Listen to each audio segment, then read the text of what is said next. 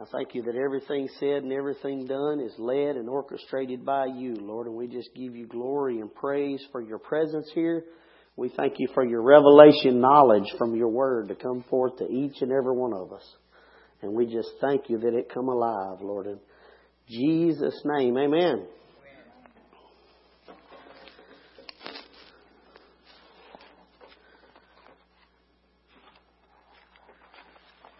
Any of you know me, most of you do. I've been teaching righteousness for quite a while.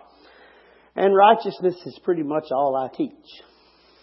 So, we're going to talk about faith tonight. It's, excuse me, it's a little different because it's, it's, it's righteousness and it's faith. And, uh, you know, we, I grew up, of course, in this church and, and, uh, grew up as a faith church. Uh, name it claim it and, you know, all that stuff, uh, you know. But when we moved into grace, it changed for us. We no longer rely on our work of our faith. We rely on God's grace. And so I'm going to read some things, and we probably won't be very long tonight, but I've, I've got a few things the Lord's been showing me and, and some things I wanted to, uh, to look at. One of the things I saw, I was in Wisconsin last week, uh, from last Saturday to this past Saturday, in fact. And we were hunting, and uh, and it's bow hunting, so you're sitting out in a tree. It's cold, and you know you have lots of time to sit there and and pray and think. And, and I just kind of visited with the Lord a few a few times. I didn't all the time, but a few times while I was up there and had a good time. Really enjoyed it. But uh, anyway, and he showed me some things about, about my faith, and so we're going to start there. Hebrews 12 and 2.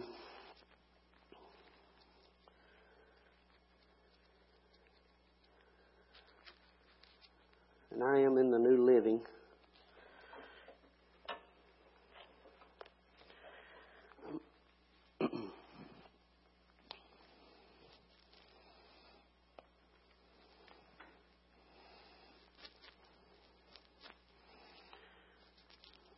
Start in just 12, uh, 12 and 1. It says, Therefore, since we are surrounded by such a huge crowd of witnesses to the life of faith, let us strip off every weight that slows us down, especially the sin that so easily trips us up, and let us run with endurance the race God has set before us.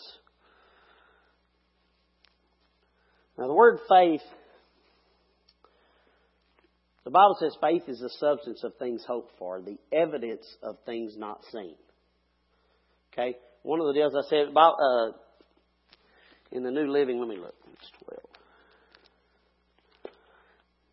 11 and 1 says, Faith is the confidence that what we hope for will actually happen. If you look up faith and uh, get a definition of it, it's basically just a belief in God, is what, what the definition says. But it says faith is the confidence that what we hope for will actually happen.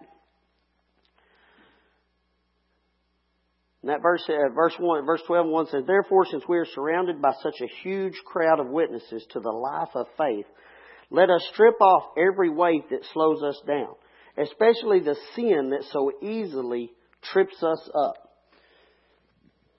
Righteousness is the ability to stand before God without the feeling of guilt, condemnation, or inferiority as if sin never existed. Now that says right there, let us strip away every sin that so easily besets us. So we as faith people, the Bible says the just shall live by faith. One version says the righteous shall live by faith. And that's us. Okay? We are the righteousness of God in Christ. We have to understand our righteousness to be able to apply and to use our faith. We have to understand He has taken away every sin and put it on Jesus. And Jesus paid the price for it. I was listening to, uh, I'm trying to think of who, I think it was just a little excerpt on Facebook of Joseph Prince. And that's what he said. The reason Jesus resurrected was to show that sin was paid for completely. If someone took your penalty for something you had done, The only way you would know it was totally and completely paid for and finished was when you saw him again, right? Uh, Pastor used that example. Dad used that example one day with Jack. He said if if uh, if I had done something wrong and Jack took my penalty and went to jail for me, how would I know when that was totally paid, when that debt was paid? When I saw Jack again. Well, it's the same thing with Jesus. Jesus was risen for our justification. The word justified means just as if I'd never sinned. Our justification, Jesus was raised so that we would know that the full debt for our sin had been completely and totally paid. You know, most people don't receive from God because they don't believe. And the main reason is they don't believe themselves worthy to receive. So their faith is ineffective. When we understand righteousness and we know He made Him who knew no sin to be sin for me, that I could become the righteousness of God, that's no longer a problem in our lives. We understand that Jesus became our sin and we became His righteousness. We became perfect before the Father. We became He who is as He should be. The person God created in you is who you are. Sin no longer has a hold on you. Let us strip off every weight that slows us down, especially the sin that so easily trips us up. And let us run the race with, or let us run with endurance the race God has set before us. You know, Satan always says, look at your sin, look at your sin. God says, look at my son. He says, look at my son, not your sin. Okay? Verse 2 says, We do this by keeping our eyes on Jesus, the champion who initiates and perfects our faith. I like that part. It says He initiates and perfects our faith. You know, there was a man that came to Jesus. First, he came to the disciples, and the disciples couldn't heal his son, and so uh, Jesus came in and and uh, and the, the man asked him. He said, "Will you come heal my son if you can? If you can do anything for him?" And he said, if I can do anything, anything is possible if you believe. And the man said, Oh, I believe, I believe. And then he said, Lord, help my unbelief. Well, what did he say right there? He said, basically, I believe you can do it. I understand that you can do it. But he didn't understand Jesus would do it. And when he said, Lord, help my unbelief, he basically relied completely and solely on Jesus and Jesus' faith. We understand as faith people that our faith relies on Jesus. Our faith is not what we can do as believers. It's what Jesus has done for us, and solely what Jesus has done for us.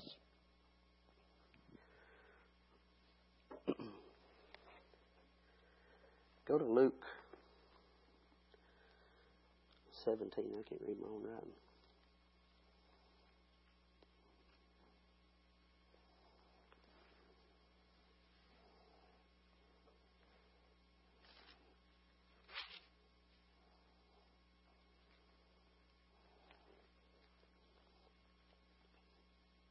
Let's start in verse 11. It says, As Jesus continued on toward Jerusalem, he reached the border between Galilee, uh, Galilee and Samaria.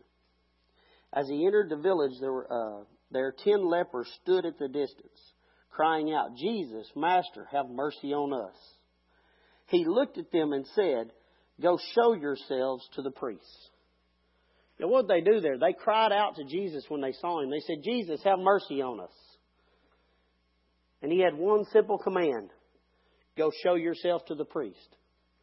And they were instantly healed. There was no act of faith there from them. There was no, no showing of what they really believed other than they cried out to Jesus. They knew Jesus could help them. Now, us as Christians, we need to understand Jesus has already helped us. Okay? Jesus shed his blood to save us, he shed his blood to heal us, he shed his blood to prosper us. Okay, he shed his blood to give us dominion. Okay, and all these people did was say, Jesus, have mercy on us.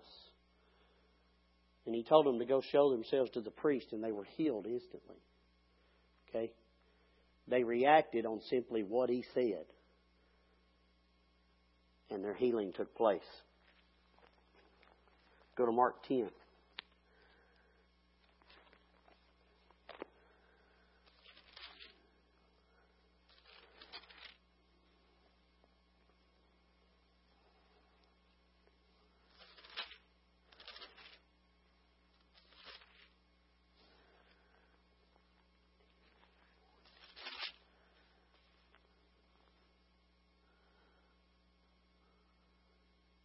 This is the story of blind Bartimaeus. Excuse me. Uh, let's start in verse 47. It says, When Bartimaeus heard that Jesus of Nazareth was nearby, he began to shout, Jesus, son of David, have mercy on me. You know, that's the same thing those ten lepers were saying. Jesus, have mercy on us. And 48 said, Be quiet, many of the people yelled at him, but he only shouted louder. Son of David, have mercy on me. When Jesus heard him, he stopped and said, Tell him to come here. So they called to the blind man. Cheer up, they said. Come on, he's calling you. Bartimaeus threw aside his coat, jumped up, and came to Jesus. What do you want me to do for you? Jesus asked. Uh, my rabbi, the blind man said, I want to see. And Jesus said to him, Go, for your faith has healed you. Instantly, the man could see and has followed Jesus down the road. Jesus looked at him and said, Your faith has healed you. But what did the man do? Same thing those ten lepers did. He reached out to Jesus. He believed Jesus could help him. And that's where his faith was. And Jesus looked at him and said, Your faith has healed you. Jesus didn't even take the glory for it. He said, Your faith has healed you. The woman with the issue of blood, what'd she do? She said, If I'll touch the hem of his garment, I'll be made whole. So she crawled through the people and she touched him. And when she touched him, Jesus said, Who touched me? He felt the power go out of him. He knew something had taken place. And he looked at her and he said, Your faith has made you whole. Your faith has made you whole. What'd she do? She reached out to Jesus. She reached out to touch him. She believed he could help her. She believed the power that he had would heal her. I believe sometimes as faith people, we make it way too hard on ourselves. You know, we think, and even teaching grace and righteousness and hearing it and listening, you know, being in this church and listening, I still catch myself trying to improve not my actions and sin wise, but trying to do things to activate my faith. Movements, you know, I need to do this more, I need to be better at this, and I, you know, things like that. And as faith people, we make it hard on ourselves because we don't just rely on what Jesus has already done for us. We think there's one more step, something else we need to do. And the only thing we need to do is reach out to Him. He's already done everything it takes for us to be whole, for us to be blessed. You know, what do we do when we get born again? We believe and we say. Right? We believe and we say with our mouth. We receive Him. Well, that, that's faith activated right there. We need to understand that when we receive everything else the same way. We receive our wholeness. We receive our prosperity. We receive everything the same way we receive our salvation. We simply say it and believe it. Psalms 103 and 5 says, He fills my mouth with good things, so that my youth is renewed like the eagles.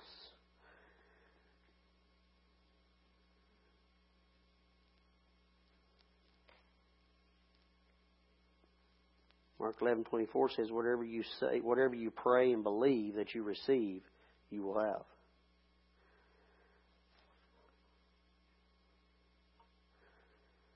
Go to Romans 4.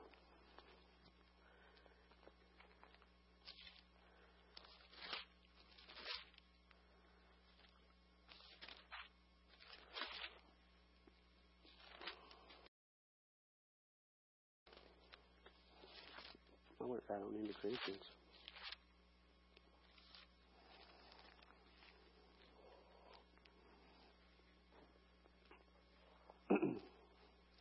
Romans 4, let's start in 13. It says, Clearly God's promise to give the whole earth to Abraham and his descendants was based not on his obedience to God's law, but on a right relationship with God that comes by faith.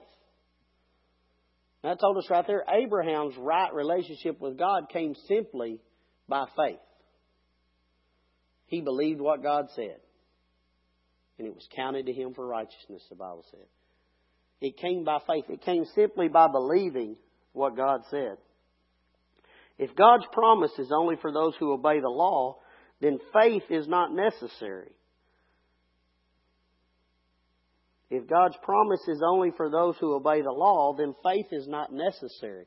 The Bible says, the just, the righteous shall live by faith. So we know that the law is not set up for us. And the promise is pointless. For the law always brings punishment on those who try to obey it. The only way to avoid breaking the law is to have no law to break. So the promise is received by faith.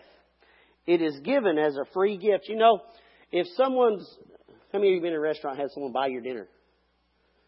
I have had, I had uh, we had a lady the other day, we, we didn't even know her. Uh, we know her children, and her grandchildren were with us, and they knew us. And uh, we were at Cracker Barrel, actually. And uh, our waitress came over to us after they left, and she said, uh, The lady that sat right here bought your meal. You know, there was absolutely nothing I could do about it. She was already gone. I didn't even know she did it until it was already done. Okay? All I I didn't really have much of a choice. I guess I could have paid again, but I had to receive the gift she gave me. So the promise is received by faith. It is given as a free gift, and we are all certain to receive it whether or not we live according to the law of Moses, if we have faith like Abraham's, for Abraham is the father of all who believe. That is what the scripture means when God told him, I have made you the father of many nations. This happened because Abraham believed in the God who brings the dead back to life and who creates new things out of nothing. The King James says he calls those things that be not as though they were. You know, our faith is simple as calling those things that be not as though they were. If we're lacking something in our body, we need to call them as they are. And when I was in Wisconsin, there's a lady, a friend of ours there that's been, uh, she's been battling. She battled, actually, she, she won a fight with cancer and then she's having some problems now, some other things going on. And uh, I got to go visit her, and, and uh, I just stood up. My, I'm trying to think what I said. I said, "I call you well and whole," and she just looked at me and said, "I am." And I said, "Okay, you are." There was no question in her mind. When I said, I call you well and whole, she said, That's good because that's what I am. There is no question. She didn't see it any other way. Whether her body reflected it, whether her feeling reflected it, it didn't matter to her. She just simply said, I'm whole and well. How can she say that? She understands that it's all done by Jesus and that He already did it and she's received it. She's not living by her circumstances. She's not living by what goes on. She knows she's been made whole and well by Jesus. The Bible says we will overcome by the word of the uh, by the blood of the lamb and the word of our testimony. Well, the blood of the lamb's already been shed. So what's left? The word of our testimony. We receive, we overcome this world by simply saying we overcome this world. By calling those things that be not as though they were. And it's not it's not a ritual we have to do. We spend time in this word. We read this word to understand and to receive and to birth that belief. You know, the uh, that that first uh, verse we said uh, said Jesus was the initiator and the finisher of our faith. We read this word so that He can initiate and finish our faith. We say this word so that He can initiate and finish our faith. When we open this Bible, when we read this Bible, it bursts something in us. It bursts that faith to where we start to believe, to where we understand this has all been done. Jesus is taking care of this. I don't have to deal with it. We know that He's prospered us, that He loves us. You know, I was sitting, I was sitting on top of that tree that night, and I was thinking about that because I hadn't been seeing that, and I was kind of bored. And I don't know if any of you have hunted and sat there and not seen nothing, especially when it's freezing cold. And, and uh, you know, here in Texas, we hunt by feeders. You feed the deer and they come up. Well, that's illegal up there. You have to just sit there and wait on them to come by. And it's a whole different story, you know. And uh, but as I sat there, I realized, you know, my God loves me. The Bible says everything I set my hand to do prospers. Doesn't matter what it is, whether it's hunting, whether it's fishing, whether it's work. It doesn't matter what it is. Everything I set my hand to do is supposed to prosper. And I thought, and I wasn't just thinking about hunting, I was thinking about other things going on. But I thought, you know, there's some places in my life I'm not seeing that. And I thought, well, why am I not seeing that? I know my God loves me. My God's not withholding anything from me. Well, I had I sat and realized that I haven't I hasn't I haven't realized that. Does that make sense? I was letting those things I was let, basically letting a lack of faith that I felt affect what I was receiving. And as I sat there, that's kind of what I heard from the Lord was that, you know, I love you. You know, I, I want you to have fun. I want you to prosper in everything that you do. So just receive. And our life should be that simple. We should walk in life, health, and prosperity. The Bible says a thief comes to steal, kill, and destroy. I've come that you might have life and have it more abundantly. Jesus paid the price for us to have life and have it more abundantly. The devil can't touch us. We, we need to get a hold of that and understand. Satan has no hold on us. Okay? Our God loves us and He takes care of us. I heard Creflo Dollar say something this morning. The way Satan gets away in is by us living in sin. Not that it's another work that we have to do to be good, but Jesus paid the price for us to be delivered from sin completely. Okay? We're supposed to live holy and in righteousness. Okay? Not to protect ourselves, but to see how Jesus protects us, to see how Jesus takes care of us, to feel Him, to understand His love for us.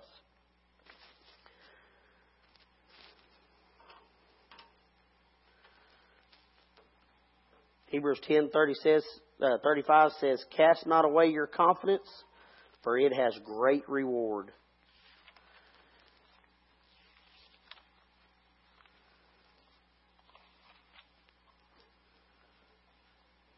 Go to Matthew 16. I got one more of these little stories on one of these stories about Jesus I wanted to read.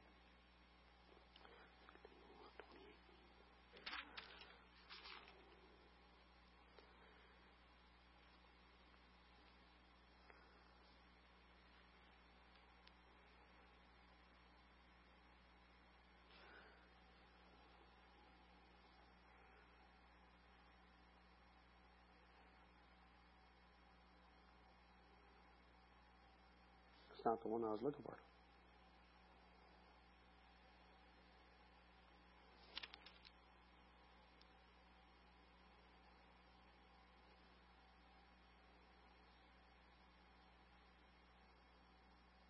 Okay, well, that ain't it. Go to 1 John 5 and 4. I want to read it.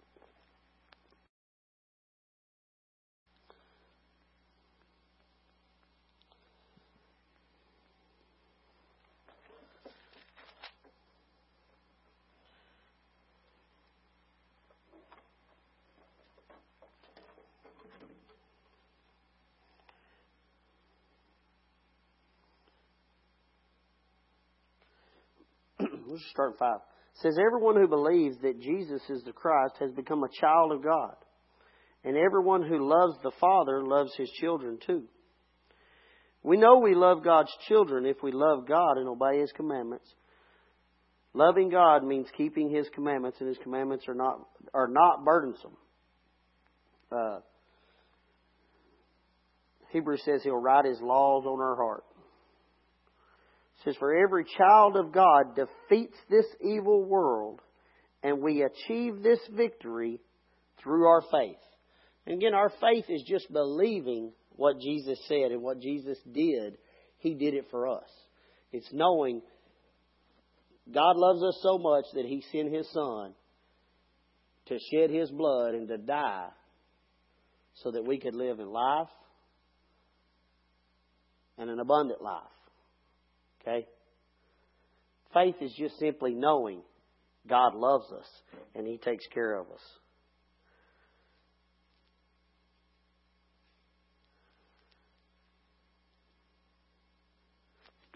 Let's read Ephesians 2.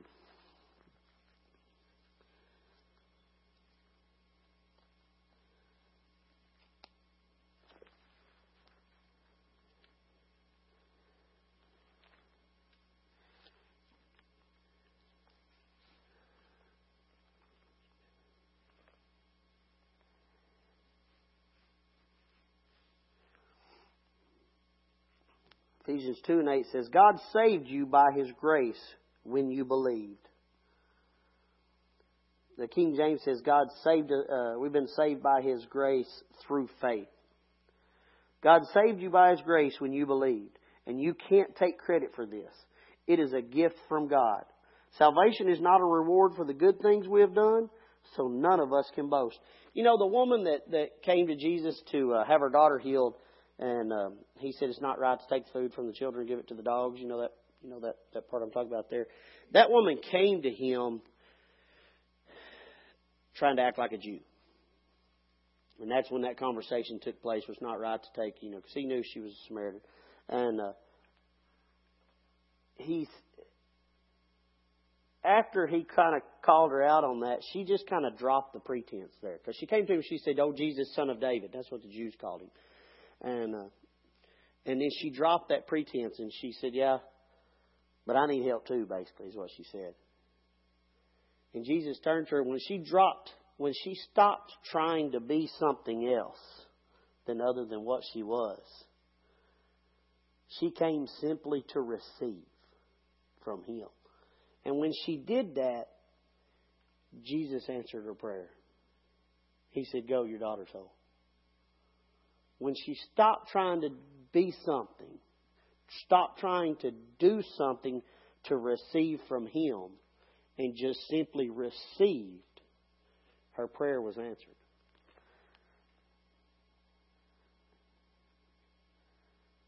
That verse said, God saved us by His grace when we believed, and you can't take credit for this. It's a free gift from God. Salvation is not a reward for the good things we've done, so none of us can boast. Verse 10 says, For we are God's masterpiece. He has created us anew in Christ Jesus so we can do the good things He planned for us long ago. We've been made God's masterpiece. And I know most y'all heard me talk about that before. The word masterpiece means someone's prize creation. The best thing an artist has created. Okay? We are God's masterpiece. Whether you know it, whether you feel like it or not, that's what the Word says. You are God's masterpiece, His greatest creation. He created us. We are His masterpiece. He has created us anew in Christ Jesus so we can do the good things He planned for us long ago. And that verse before that says, it's all a free gift. He's given it to us as we believe. And all we have to do is to receive it from Him as free and reach out and take it and know He loves us that much. We are His masterpiece. His most greatest creation is you. My phone's going off up here.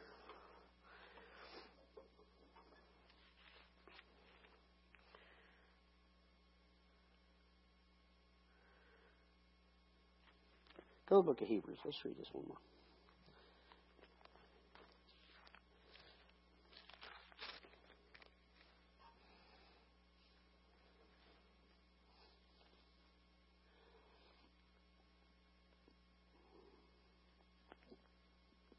Let's start in verse 20. Hebrews 10 and 20. It says, By his death, Jesus opened a new and life giving way through the curtain into the most holy place into the most holy place.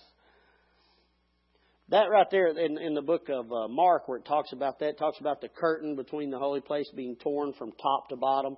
We've talked about that, but it, it's, it signifies that God, when Jesus died on the cross, says that curtain was ripped from top to bottom, showing that God opened a way to full fellowship with Him through Jesus' death. Okay? says, By his death, Jesus opened a new and life giving way through the curtain into the most holy place. And since we have a great high priest who rules over God's house, let us go right into the presence of God with sincere hearts, fully trusting Him. For our guilty conscience have been sprinkled with Christ's blood to make us clean, and our bodies have been washed with pure water. Let us hold tightly without wavering to the hope we affirm.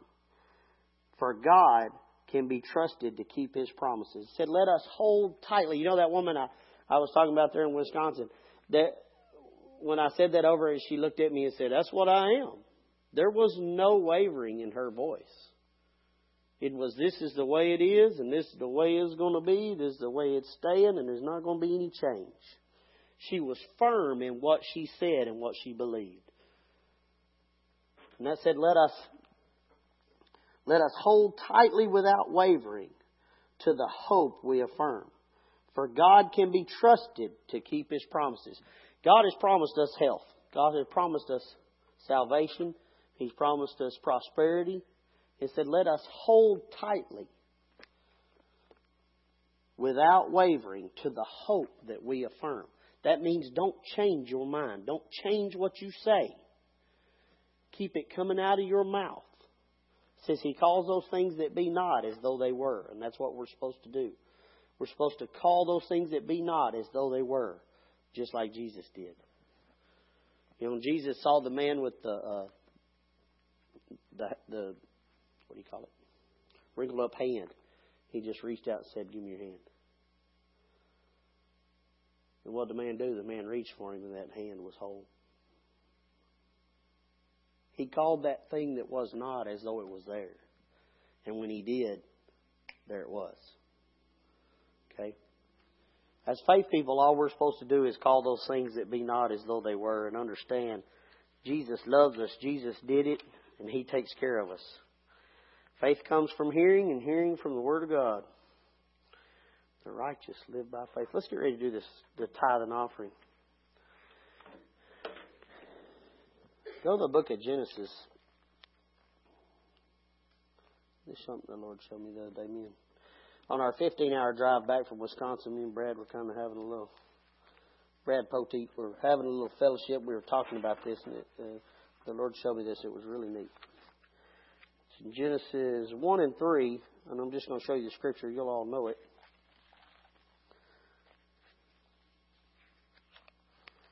Well, basically in 1 and 3, Jesus said, Let there be light. How many of you know there's studies going on still today of that light is still traveling? They're seeing further and further every minute of every day because God said, Let there be light. And that creation that He started is still going. It's still creating. When God created man, it says, God created man and he blessed them. And that word blessed means, uh, hit me. Empowered to prosper. That was the two words I was looking for. The word blessed means empowered to prosper. Well, the same way God said, let there be light, and that light's still going, that same empowerment to prosper is still growing. He created man and He blessed them. He empowered us to prosper. That empowerment to prosper just continually gets bigger and bigger in us. Just like that light still moving, still showing new things, that empowerment to prosper is getting bigger and bigger. Our tithe and offering comes out of strictly the blessing of the Lord. The Bible says, The blessing of the Lord maketh rich, and he adds no sorrow to it. Okay? We tithe off the blessing. We tithe off of whatever God has done for, off of what God has blessed us with. We don't tithe to get God to move to bless us. Now, there are promises that come with the tithe, but we don't tithe to see God move. We tithe because God has moved. Okay? We got a basket. So go ahead, bring your tithe up. We'll pray when we get through.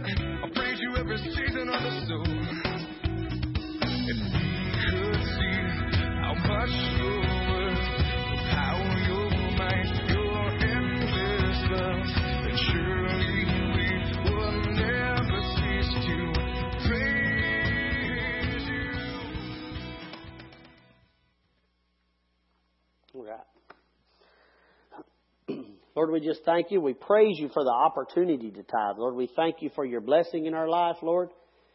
And we just thank you, Lord, that we tithe off your blessing, Lord.